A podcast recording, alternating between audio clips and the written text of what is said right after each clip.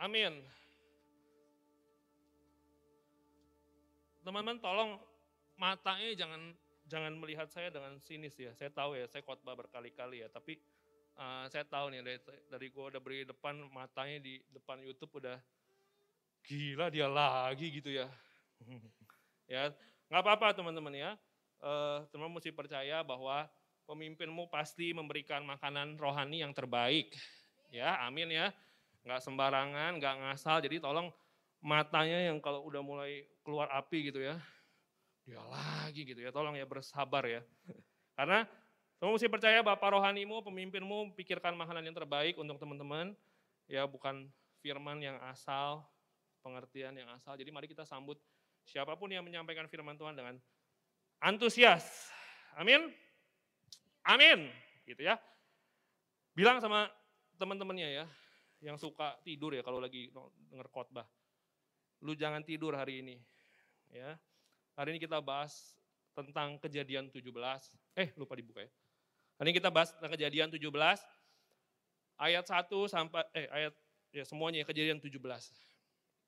Kemarin kita udah bahas dari kejadian 10 Ya 10, 11, 12, 13, 14, 15, 16, 17. Ada yang rekor belum pernah baca berturut-turut gitu ya puji Tuhan ya lewat dengar khotbah ini teman bisa ikutin berturut-turut ya. Nah hari ini aku akan lanjutkan kejadian 17. Ini tentang perjanjian juga. Ya, kejadian 15 juga tentang perjanjian antara Abram dengan Tuhan. Dan kejadian 17 juga berbicara tentang perjanjian ya Abram dengan Tuhan. Nah, mari kita mulai di dalam kejadian 17 ayat 1 sampai 2 dulu. Firman Tuhan berkata, ketika Abram berumur 99 tahun, maka Tuhan menampakkan diri kepada Abram dan berfirman kepadanya, Akulah Allah yang maha kuasa. Hiduplah di hadapanku dengan tidak bercela. Aku akan mengadakan perjanjian antara aku dengan engkau, dan aku akan membuat engkau sangat banyak. Teman-teman, di ayat pertama dan kedua Tuhan membuka ya, membuka mengingatkan Abraham tentang sebuah uh, tentang sebuah Injil ya. Tentang bukan bagaimana kita yang mencari Allah, tetapi Allah yang mencari kita dan Allah menampakkan dirinya kepada kita. Itulah kabar baik Injil, bukan kita yang mampu menggapai Allah, tetapi Allah yang menggapai kita terlebih dahulu. Sehingga dengan demikian kita boleh menghadapkan wajah kita kepada Tuhan. Ya, dan Tuhan menyatakan diri kepada kepada Abram. Dia berkata begini, "Akulah Tuhan, akulah Allah yang maha kuasa." Akulah Allah yang maha kuasa. Kamu percaya Tuhanmu maha kuasa? Ya. Tuhan selalu menampakkan diri kepada kita anak-anaknya berdasarkan cara-cara dan kebutuhan-kebutuhan yang kita perlukan. ya Berdasarkan keadaan-keadaan yang kita perlukan. Sebelumnya di dalam uh, kejadian uh, eh, 16 ya, kejadian 15 sebelumnya, ketika Abram itu ingin diberikan hadiah, diberikan upah sama Raja Sodom. Kemudian Abram bilang dia nggak mau. Dan Tuhan menunjukkan dirinya kepada Abram dengan bilang ini, Abraham, I am your shield. Upahmu akan sangat besar. Di saat Abraham nggak mau upah dari orang lain, Tuhan menyatakan dirinya dengan bilang, akulah upahmu, kau akan menerima upah yang sangat besar. Sekarang ketika Abraham berumur 99 tahun, Tuhan menampakkan dirinya, menyatakan dirinya kepada Abraham dengan bilang apa? Akulah Tuhan yang maha kuasa. Engkau 99 tahun, engkau dan istrimu seharusnya nggak bisa punya anak. Dan Tuhan menyatakan diri kepada Abraham begini, akulah Tuhan yang maha kuasa. Batasanmu bukanlah batasanku. Ketidakmampuanmu bukanlah ketidakmampuanku. Teman-teman, Allah selalu menyatakan dirinya kepada kita tepat pada waktu kita membutuhkan. Amin. Di saat keadaan yang paling kita butuhkan, situasi dan kondisinya itu pas gitu. Dia menyatakan diri dan dia berbicara kepada kita. Ada teman-teman kita suka datang ke hidup kita nggak pas gitu timingnya. Sebel banget ya orang kita lagi gimana gitu, apalagi Eriko ya, suka datang gitu nggak pas gitu timingnya gitu. Makanya makanya diomelin terus ya kan. Orang lagi pada ngobrol serius dia muncul gitu, hai gitu kan. Semua mata melotot kepada dia. Lu nggak tahu lagi serius nih, ha? gitu ya. Nah, tetapi Tuhan kita selalu menunjukkan dirinya dalam keadaan the right time, dalam keadaan yang tepat untuk menyatakan kepada kita, menyampaikan kepada kita apa yang kita perlukan. Amin. Ketika Abraham nggak mau upah, Tuhan menyatakan dirinya akulah upahmu. Ketika Abraham sudah berumur 99 tahun, Tuhan menyatakan dirinya apa? Akulah Tuhan yang maha kuasa, dia bilang. Tuhan mau ngomong batasanmu bukanlah batasanku. Dan aku dan aku tidak bisa terhalang oleh batasanmu. Tuhan Tuhan nggak punya batas-batas dan ukuran dalam hidup kita. Amin. Kita sering kali punya batasan-batasan dan ukuran dalam hidup kita. Tabungan kita, kalau tabungan kita segini, gimana masa depan kita, ya kan? Kalau nilai kita segini, gimana ya masa depan gua? Kalau umur kita nih, umur kita masih muda gini, gimana Tuhan mau pakai gua? Mungkin teman-teman yang masih merasa paling merasa muda gitu ya. Kalau yang merasa muda, kau tahu Tuhan mau pakai hidupmu. Karena umurmu kau bilang, Tuhan saya masih muda, gimana caranya Tuhan pakai saya? Kau yang Tuhan kasih janji, Tuhan pengalaman saya cuma segini. Benar, Tuhanmu nggak punya batasan. Kamu punya batasan. Tuhanmu nggak punya batasan.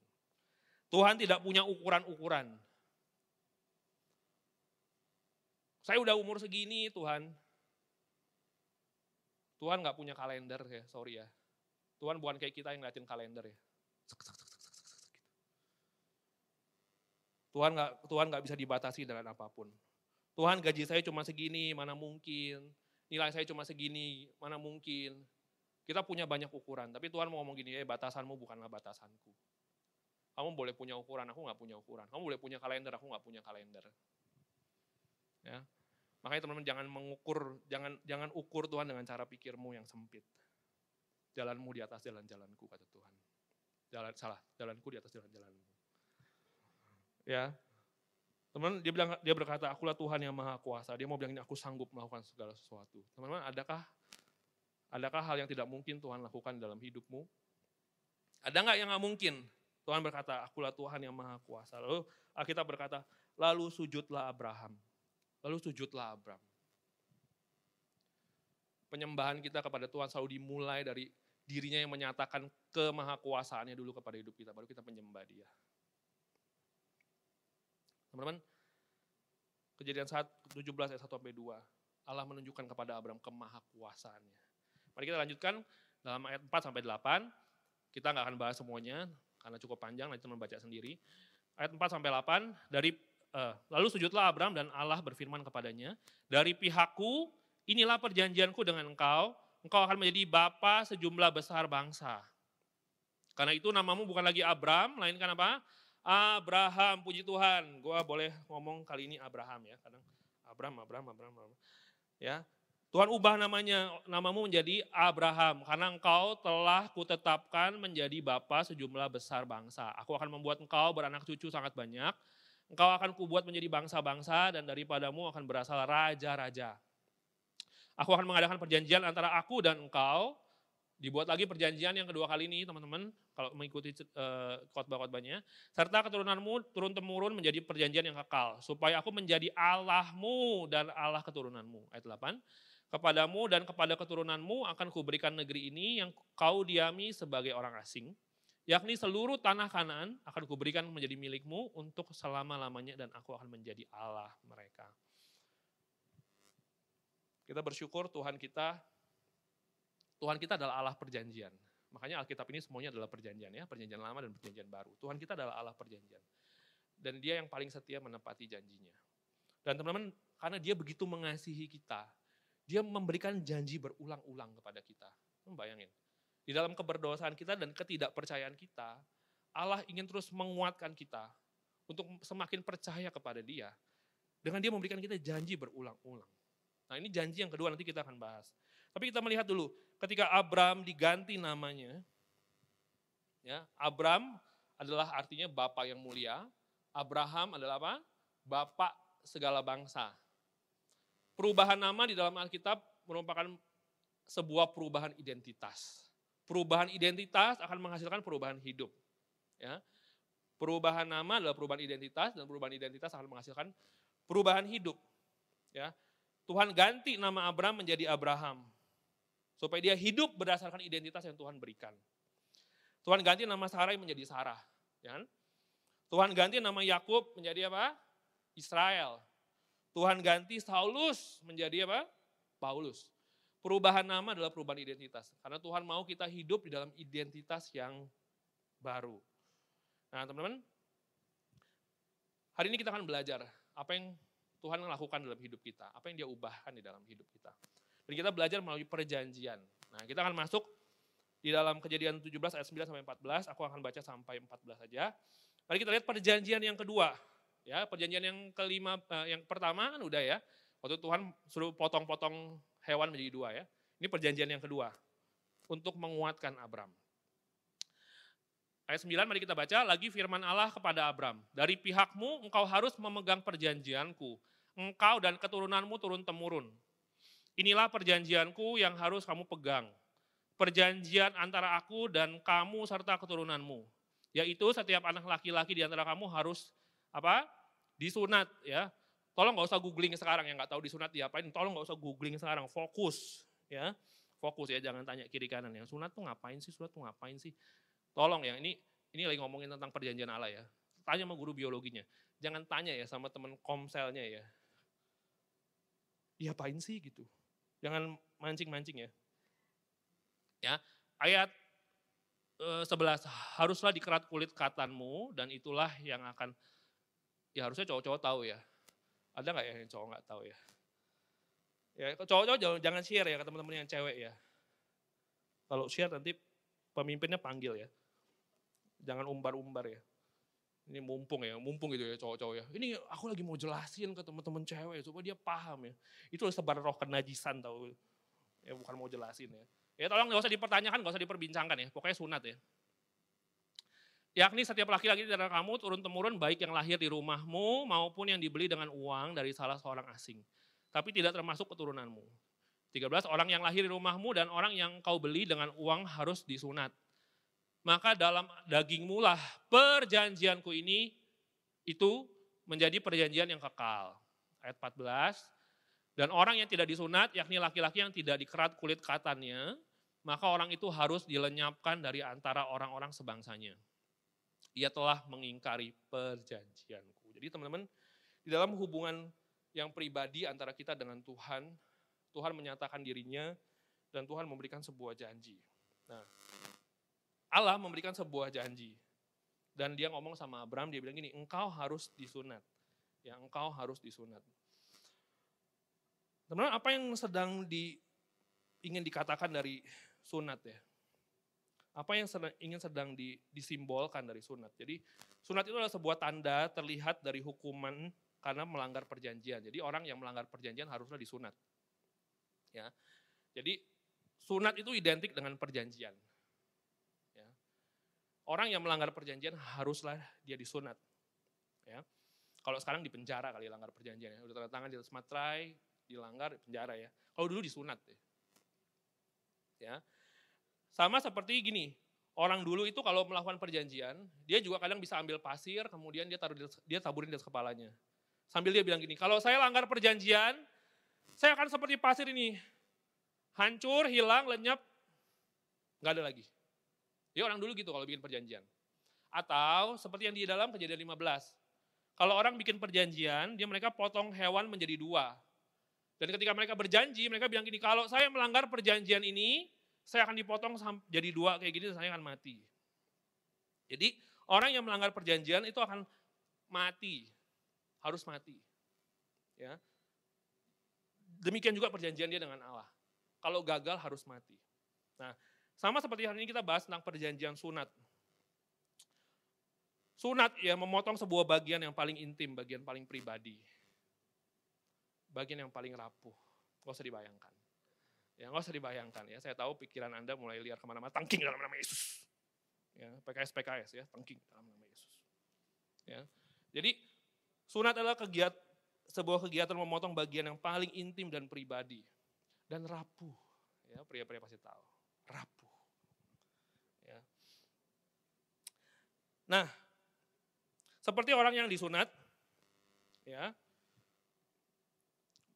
Tuhan mau berkata gini, jika kita ingin berada dalam hubungan yang intim dengan Allah, kalau engkau ingin ada dalam perjanjian dengan Allah, kamu harus disunat sebagai tanda bagi kamu dan semua orang bahwa jika kamu melanggar perjanjian, kamu akan diputuskan. Disunat tuh sampai putus loh ya. Jadi nggak ngewer-ngewer gitu. Tahu ya? ya. Disunat tuh dipotong sampai putus gitu. Nah, jadi, tapi ingat bayanginnya nggak dipotong pakai golok gitu gitu. Itu lapcong, tahu lapcong. Pah, pah gitu. Ini surat itu nggak gitu. Ya. Nah, jadi orang yang melanggar perjanjian kalau melanggar harus diputuskan sepenuhnya seperti orang disunat ya. Diputuskan dari yang lain, diputuskan dari kehidupan. Artinya diputuskan dari kehidupan. Mati artinya. Dan diputuskan dari hubungan dengan Tuhan. Itu artinya sunat. Ya, jadi Sunat itu sunat itu adalah sebuah sebuah gambaran konsekuensi dari perjanjian yang kamu batalkan. Kamu akan mati. Sama seperti perjanjian-perjanjian yang lain. Sama seperti taburin di atas pasir, sama seperti uh, hewan di belah-belah dua. Kamu akan mati intinya. Ya. Di dalam hidup kita bersama dengan Tuhan.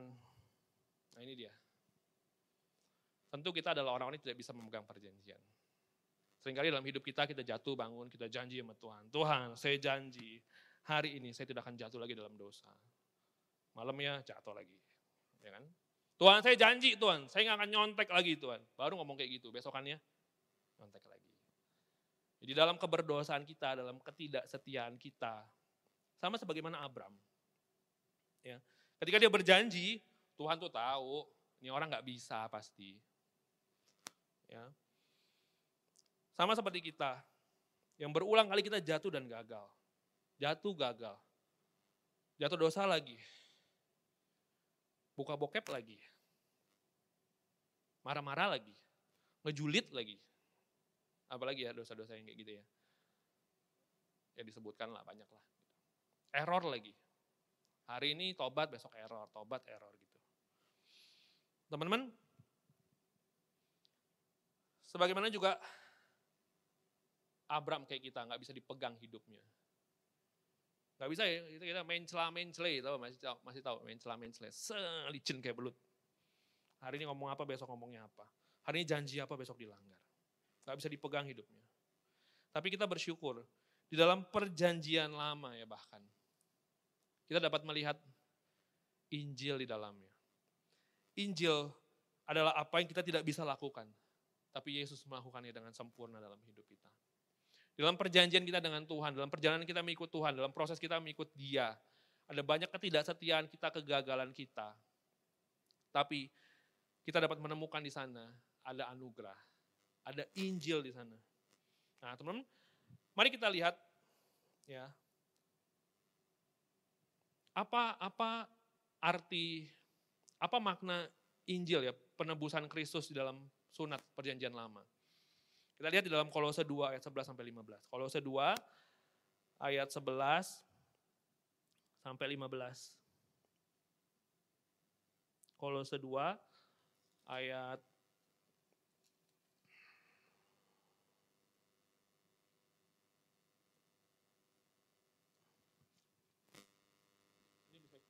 Kolose 2 ayat 11 sampai 15.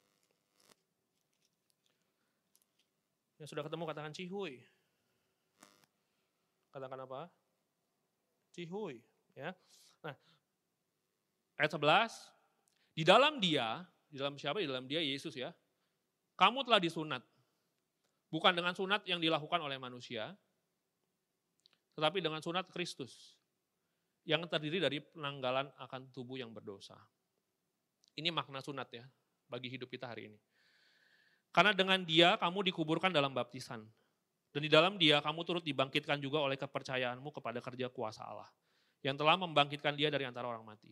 13, kamu juga meskipun dahulu dahulu mati oleh pelanggaranmu dan oleh karena tidak disunat secara lahiriah, telah dihidupkan Allah bersama-sama dengan dia, sudah ia mengampuni selang, segala pelanggaran kita. Dengan menghapuskan surat hutang yang oleh ketentuan-ketentuan hukum mendakwa dan mengancam kita. Dan itu ditiadakannya dengan memakukannya pada apa? Kayu salib. Apa makna sunat perjanjian lama dalam hidup kita hari ini? Ini maknanya. Kita ini seorang orang yang harusnya disunat kan? Semua disunat ya harusnya. Karena apa? Kenapa kita disunat? Karena kita tidak bisa menaati hukum Allah. Karena kita selalu nggak bisa dipegang hidupnya. Karena keberdosaan kita, karena kegagalan kita. Tapi kita bersyukur di dalam anugerah Tuhan yang besar. Hari ini kita nggak perlu lagi disunat. Kenapa? Karena Kristus telah melakukan sunat yang sesungguhnya di atas kayu salib. Di dalam Yesus, kita telah disunat lewat kematiannya di kayu salib. Jadi sebenarnya hari ini kita adalah orang-orang yang sudah percaya, kita adalah orang-orang yang sudah disunat dalam Yesus di atas kayu salib. Karena di dalam kematiannya, Yesus telah diputuskan dari hubungannya dengan Bapak. Teman ngerti uh, implikasinya? Ngerti penerapannya? Ngerti maknanya? Kita nih, karena kita melanggar perjanjian dengan Allah, harusnya kita nih nggak bisa intim dengan Allah. Harusnya kita disunat, dimatiin, dibunuh, nggak nggak bisa punya relasi dengan Allah. Tapi kita bersyukur di dalam kematian Kristus, Bapa meninggalkan Yesus supaya kita tidak ditinggalkan oleh Bapa. Ini artinya. Di dalam kematian Yesus, Yesus terputus dari negeri orang hidup katanya. Ayatnya bilang gitu. Supaya apa? Supaya kita punya kehidupan. Padahal kita orang berdosa, harusnya kita mati dalam dosa dan pelanggaran kita. Tetapi karena Yesus mati, Yesus menggambarkan penggenapan sunat. Sama seperti dalam kejadian 15. Waktu Yesus mati, Yesus itu seperti domba yang disembelih bagi kita. Makanya kita nggak perlu lagi dibunuh. Sama maknanya ini dalam kejadian 17. Seharusnya kita tuh disunat dipotong, bahkan kita tuh mati seharusnya. Tapi kita bersyukur di dalam anugerah Allah, Yesus melakukannya bagi kita. Seharusnya kita nggak bisa dekat dengan Bapa, tapi Yesus ditinggalkan oleh Bapak supaya kita bisa dekat dengan Bapak. Yesus terputus dari negeri-negeri orang hidup, Yesaya 53 ayat 8. Karena seharusnya kita tidak akan memiliki kehidupan itu karena keberdosaan kita. Tapi kita bersyukur, Yesus yang terputus dari negeri orang hidup supaya kita bisa memperoleh hidup yang kekal. Amin teman-teman. Yesus benar-benar disunat, ya menerima sunat yang harus kita terima sebagai upah dari dosa dan pelanggaran kita. Kita bersyukur Teman-teman, lagi-lagi ya di dalam kejadian 17 kita melihat anugerah Allah dalam hidup kita. Injil berbicara apa yang kau nggak mampu lakukan, Kristus melakukannya dengan sempurna. Amin. Kamu bersyukur nggak dengan melihat kisah ini ya, cerita Injil ini. Harusnya kamu yang disunat, harusnya kamu yang dibunuh. Tapi kita bersyukur dalam kebaikan Allah, dalam kemurahannya. Kita tidak perlu lagi dihukum. Di dalam dosa dan pelanggaran kita, Yesus menanggung hukuman kita. Apa yang kita nggak bisa selesaikan oleh diri kita sendiri, telah diselesaikan oleh Yesus di Kalvari. Amin. Teman-teman itulah Injil Yesus Kristus ya. Teman-teman kalau dosa dan hukuman kita telah diselesaikan, apalagi kegalauanmu. Ya, kalau dosamu yang paling berat yang kamu nggak bisa selesaikan telah diselesaikan Yesus di kayu salib. Apalagi kegalauanmu diputusin pacar gitu. Ya, biasa. Apalagi ketakutanmu akan masa depan. Apa yang gak bisa diselesaikan Yesus? Semuanya telah diselesaikan bagimu. Makanya setiap hari kita perlu melihat kepada kayu salib. Amin. Karena semua hal yang kita nggak bisa selesaikan telah diselesaikan oleh Yesus di kayu salib. Ketika kita melihat kepada kayu salib, kita akan menemukan kekuatan yang besar. Nah teman-teman, itu artinya disunat. Ya, Seharusnya kita orang-orang yang disunat dipisahkan dari Allah. Mari kita lihat dalam Galatia 6 ayat 15 sampai 16, ayat yang terakhir. Galatia 6 ayat 15 sampai 16. Galatia 6 ayat 15 sampai 16. Eh enggak aja. Galatia 6 ayat 12 sampai 16 ya kita baca ya. Mereka yang secara lahiriah men, suka menonjolkan diri, mereka lah yang berusaha memaksakan kamu untuk bersunat.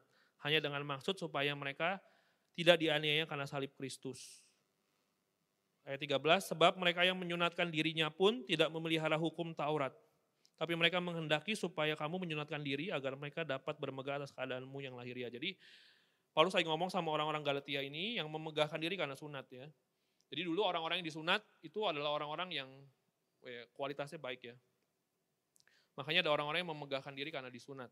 Nah Paulus lagi ngomong sama orang Galatia yang memegah, yang bangga gitu karena disunat. Nah Paulus bilang gini, jangan kamu bermegah karena hal-hal yang lahiriah. Ya, makanya 13, mari kita lanjutin. Ayat 14. Tetapi aku sekali-kali tidak mau bermegah selain dalam apa? Salib Tuhan kita Yesus Kristus. Sebab olehnya dunia telah disalibkan bagiku dan aku bagi dunia. Paulus mau berkata gini, kita jangan bermegah, tahu bermegah nggak? Menjadi puas, menjadi bangga. Karena hal-hal yang lahiriah, karena pencapaian kita, karena kebaikan kita, karena apa yang mampu kita lakukan. Paulus mau bilang gini, kamu jangan merasa puas dengan apa yang kamu bisa capai. Tapi dia bilang gini, tapi kamu harus merasa puas dan bermegah hanya oleh karena ini. Hanya oleh karena ini dia bilang. Tapi aku sekali-kali tidak mau bermegah selain dalam salib Tuhan kita Yesus Kristus. Paulus mau ngomong gini, seharusnya dalam hidup kita tidak ada hal yang membuat kita puas, menjadi bangga, dan menyombongkan diri selain daripada salib Kristus, selain daripada kematian dan kebangkitannya. Teman hari ini kita merasa puas, merasa berbangga karena apa? Karena skillmu, karena pencapaianmu, karena apa yang mampu bisa kamu lakukan. Injil nggak ngomong begitu. Kita perlu merasa puas, puas, berbangga. Ketika kita melihat salib Kristus.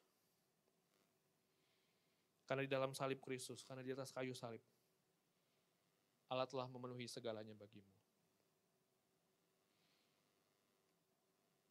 Di mana kita menemukan kepuasan kita, di mana kita menemukan kebanggaan kita. Hal apa yang kali kita paling syukuri dalam hidup? Apakah karena kematiannya? Apakah karena salibnya? Paulus bilang begitu. Dia bilang, aku sekali-kali tidak mau bermegah selain dalam salib Kristus Yesus. Berarti hidupnya Paulus tuh senantiasa dia ngelihat kepada salib. Ketika dia ngelihat salib, dia merasa dia puas. Kalau kita ngelihat ketabungan, kita nggak pernah puas. Kalau kita ngelihat ke teman kita ya, oh ini teman kompak ya paling seru nih. Teman kompak, teman komsel ya, ribut mulu. Nggak pernah puas. Makanya jangan melihat kepada teman kita, lihatnya kepada Kristus, kamu akan temukan kepuasan di sana. Jangan lihat kepada skill kita. Skill lu ya, kasih tahu ya. Ada yang lebih bagus. Makanya kita kalau kita suka down karena wah skill kita ya kok gini kok gitu karena karena keadaan hidup kita. Atau justru kita bermegah karena apa yang kita punya. Tapi dengar, ukuran manusia nggak akan membuat kau puas. Di dalam kayu salib kau akan temukan kepuasan. Akan apa yang Kristus telah lakukan bagi hidupmu. Nah mari kita lanjutkan. Ayat ini bilang gini, sebab bersunat atau tidak bersunat tidak ada artinya lagi ya. Tetapi apa? Menjadi ciptaan baru itulah yang ada artinya.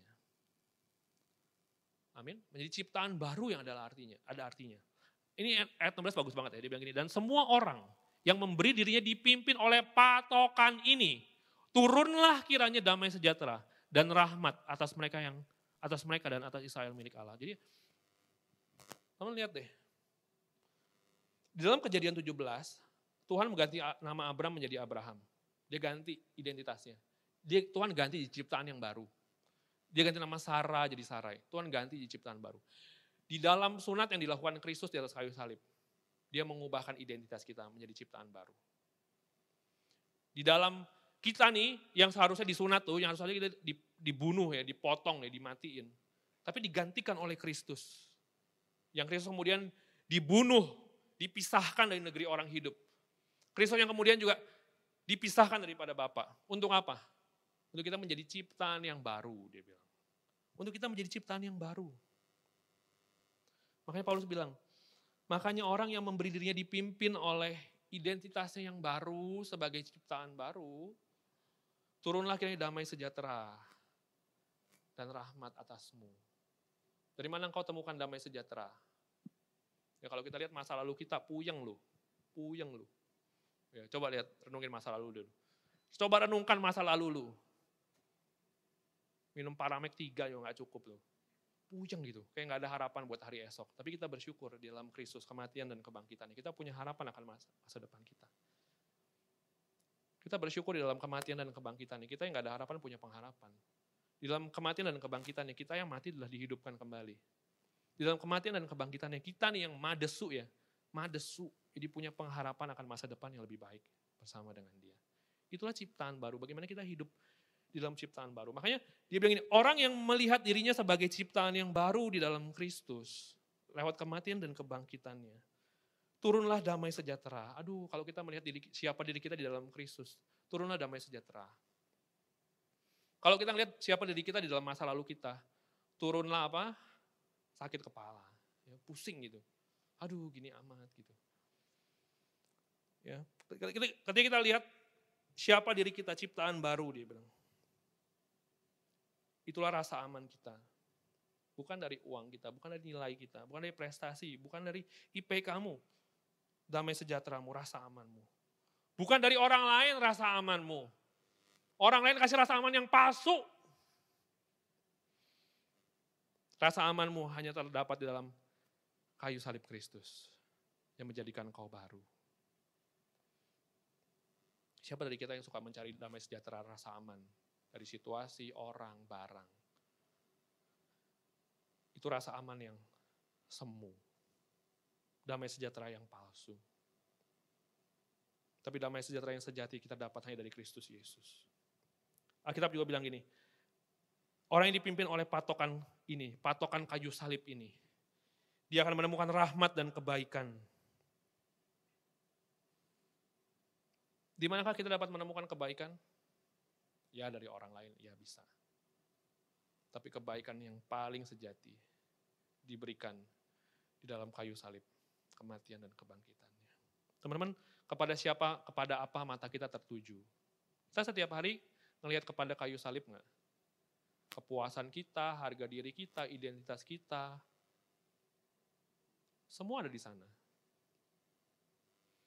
Kita setiap hari bersyukur nggak akan kematian dan kebangkitan Kristus? Aku belajar setiap kali aku bangun pagi, aku bilang Tuhan terima kasih. Orang berdosa seperti saya masih boleh bangun hari ini. Semua karena Tuhan mati bagi saya. Kenapa orang males saat teduh ya? Coba ya. Dia nggak tahu, dia lupa Kristus mati bagi dia. Kenapa orang malas cari Tuhan? Dia lupa Kristus sudah cari dia. Coba deh, coba ya setiap hari kita bangun, kita bilang, Tuhan thank you. Orang kayak saya hari ini masih boleh bangun pagi. Itu karena Tuhan mati bagi saya. Oh iya loh, seharusnya kan kita mati dalam dosa dan pelanggaran kita ya. Harusnya udah mati loh. Tapi kita bersyukur kalau kita masih boleh bangun pagi. Semua karena anugerahnya. Teman, hari ini Ke mana mata kita melihat? Setiap hari kita melihat kepada kayu salib Kristus enggak? Kematian dan kebangkitannya. Injil adalah kabar baik tentang kasih Kristus. Yang mengubahkan seluruh hidup kita melalui kematian dan kebangkitannya. Orang tidak akan pernah mengalami perubahan hidup tanpa melihat kepada kayu salib. Di kayu salib ada pertukaran. Dan di atas kayu salib, Allah telah menyunatkan kita. Sehingga manusia lama kita terputus daripada kita dan kita menjadi ciptaan yang baru. Teman-teman, Tuhan rindu kita menghidupi identitas kita yang baru. Seperti Abraham jadi Abraham, Sarai jadi Sarah. Di dalam perjanjiannya dengan Abraham, Tuhan mengubahkan Abraham menjadi ciptaan yang baru. Dalam kejadian 17, Abraham dan Sarai dua-duanya diubahkan menjadi ciptaan yang baru. Lewat perjanjian sunat yang adalah artinya kematian dan kebangkitan Kristus. Teman kita semua, ya, kita semua telah diubahkan oleh kematian Kristus menjadi ciptaan yang baru. Amin. Kita bersyukur kita menjadi ciptaan yang baru. Oleh sebab itu mari kita hidup dalam identitas kita yang baru sebagai ciptaan baru. Ya, bagaimana caranya? Dengan senantiasa kita melihat kepada kayu salib. Kalau kita hari ini mungkin ada dalam zona nyaman. Kita perlu lihat kepada salib ya. Kristus yang adalah Tuhan. Dia tinggalkan kerajaannya, dia tinggalkan jalan sorganya. Dan dia jalan di jalan Via Dolorosa. Kristus yang adalah Tuhan, yang pakai jubah kerajaannya. Dia lepaskan jubahnya, nggak pakai apa-apa. Kristus yang adalah Tuhan yang pakai mahkota di sorga, dia ganti dengan mahkota duri bagi kita. Kristus yang duduk di tahta, menjadi tergantung di atas kayu salib. Kalau kita mau hidup sebagai ciptaan baru yang menang dari zona nyaman, kita perlu melihat kepada Kristus. Kalau hari ini kita hidup dalam kekhawatiran dan ketakutan akan masa depan, kita perlu hidup sebagai ciptaan baru. Menghidupi identitas kita sebagai ciptaan baru. Dengan cara apa? Kita melihat kepada kayu salib. Kenapa saya takut? Kenapa saya khawatir akan masa depan? Padahal Kristus telah menyerahkan segala-galanya, bahkan dirinya sendiri bagi kita. Apa yang dia nggak akan serahkan bagi kita? Kenapa kita takut? Kenapa kita khawatir akan masa depan? Kalau dirinya saja diberikan kepada kita untuk menyertai kita. Kita perlu melihat kepada kayu salib. Bagaimana dengan pelayanan kita? Kalau hari ini kita ya melayani gitu, kayaknya beban banget melayani ya. Ada yang merasa terbeban melayani? Kak Kevin tuh ya, kalau saya tuh udah nggak pelayanan tuh dia pelototin saya kayak perempuan yang berzina loh. Dari atas sampai dari bawah gitu. Saya udah nggak mau pelayanan lagi loh. Kita pelayanan karena apa? Kalau hari ini kita di dalam pelayanan kita, kita mungkin udah udah nggak temukan gairah. Kita perlu melihat kepada kayu salib loh. Kristus yang melayani kita terlebih dahulu basuh kaki kita dengan dia mati di kayu salib bagi kita. Itu yang harusnya jadi dorongan kita untuk melayani dia. Mau pemimpin kita lihat kita juga enggak. Pemimpin kita hargai kita juga enggak. Enggak akan goyah kok kita. Kita tahu kok kita pelayanan bukan karena itu. Karena Kristus mati bagi saya loh. Jadi mau semua orang enggak lihat saya pelayanan, saya tetap pelayanan. Karena saya tahu. Saya melayani karena Kristus udah udah mati bagi saya melayani saya terlebih dahulu. Habis-habisan dia beri. Masa saya nggak habis-habisan beri buat dia? Masa saya nggak melayani dengan rajin? Itulah ciptaan baru. Kita menjadi ciptaan baru hanya bisa dengan melihat kepada kayu salib. Kalau enggak, enggak bisa jadi ciptaan baru. Menghidupi sebagai ciptaan baru, kita perlu lihat terus-menerus kepada kayu salib. Kalau kita marah ya hari ini sama orang, pahit marah. Kita perlu lihat kepada kayu salib. Seharusnya Allah itu murka sama kita loh. Kita kita bilang kita anak-anak kemurkaan kan. Tapi karena Yesus mati bagi kita, Allah nggak jadi murka sama kita. Kenapa kita murka sama orang? Kenapa kita marah sama orang? Coba renungin deh teman-teman. Setiap kasus demi kasus dalam hidupmu, temukan jawabannya pada kayu salib. Kau akan berjalan sebagai ciptaan baru. Kita kepahitan gitu, susah susah mengampuni. Tahu nggak? Orang yang susah mengampuni itu orang yang nggak tahu diri. Nggak denger ya? Nggak tahu diri. Kenapa? Dia lupa dirinya tuh telah diampuni Makanya orang perlu lihat kepada salib tiap hari, sehingga dia bisa mengampuni dengan bebas. Kalau enggak, enggak bisa. Kalau lihat kesalahan orang ya enggak bisa ngampunin lah. Tapi lihat betapa Allah telah mengampuni kau di Kalvari. Kau akan mampu berjalan sebagai ciptaan yang baru. Apalagi, kalau hari ini kita merasa tertolak dan butuh penerimaan. Jangan cari dari manusia, kasih manusia terbatas tapi kasih Tuhan penuh, amin. Kasih manusia terbatas tapi kasih Tuhan penuh. Jangan cari penerimaan manusia, Lihat kepada kayu salib. Di hadapan salib ya, kita dalam keberdosaan kita semua diterima seutuhnya oleh Allah. Kamu mau cari penerimaan yang kayak apa lagi di luar Kristus? Mati lu. Ya, amsyong. Satu kalimat untuk menutup. Tuhan itu sudah bisa melihat jauh ke depan setiap kejatuhan, dosa dan kemunduran kita. Namun begitu, ia tetap menetapkan hatinya untuk kita. Ulangi ya. Tuhan itu sudah bisa melihat kita jauh ke depan. Bahkan setiap setiap dosa-dosa yang kita buat, setiap kejatuhan kita, dan setiap kemunduran kita. Namun begitu, namun begitu. Injil kan selalu bilang gitu ya. Injil itu selalu bilang tetapi Allah. Namun begitu, Tuhan telah menetapkan hatinya tetap pada kita. Bersyukur nggak teman punya Tuhan yang kayak gitu? Hah? di dalam keberdosaan lu, mencela-mencela lu, gaya-gayaan lu, sok-sokannya lu, jatuh bangunnya lu. Tuhan telah menetapkan hatinya, tetap ada padamu. Dan itu dibuktikannya lewat kematian dan kebangkitannya di kayu salib. Hari ini teman-teman, apakah kita tetap menetapkan hati kita kepada dia? Apakah kita tetap menetapkan pandangan mata kita kepada salib Yesus? Sebagai bahan refleksi, pertanyaannya adalah gini, hal apakah yang masih kita perlu terus-menerus putuskan dari dalam hidup kita melalui kayu salib? Supaya kita dapat hidup sebagai ciptaan yang baru. Mari kita datang kepada Tuhan. Hari ini teman-teman, kita bersyukur Kristus telah menetapkan hatinya kepada kita. Ya, teman-temanmu suka PHP-in kamu. Orang-orang suka PHP-in kamu. Orang-orang nyerah sama kamu. Orang-orang itu, manusia itu, ketika melihat kelemahanmu, lihat dosamu, dia mundur daripada kamu. Tapi Injil bukanlah itu. Injil berbicara di dalam keberdosaanmu, kelemahanmu, tetapi Allah tetap menetapkan hatinya kepadamu. Itulah yang membuat dia terus berjalan dalam jalan Via Dolorosa. Membuat dia tetap dicambuk di mahkota iduri. Membuat dia tetap tergantung di kayu salib. Karena dia menetapkan hatinya tetap untukmu. Hari ini, kepada siapa engkau menetapkan hatimu? Apakah kepada kayu salib? ketika kita menetapkan hati kita kepada kayu salib, kita akan mampu berjalan sebagai manusia baru, ciptaan yang baru, yang akan membawa kita kepada keserupaan kita dengan Kristus.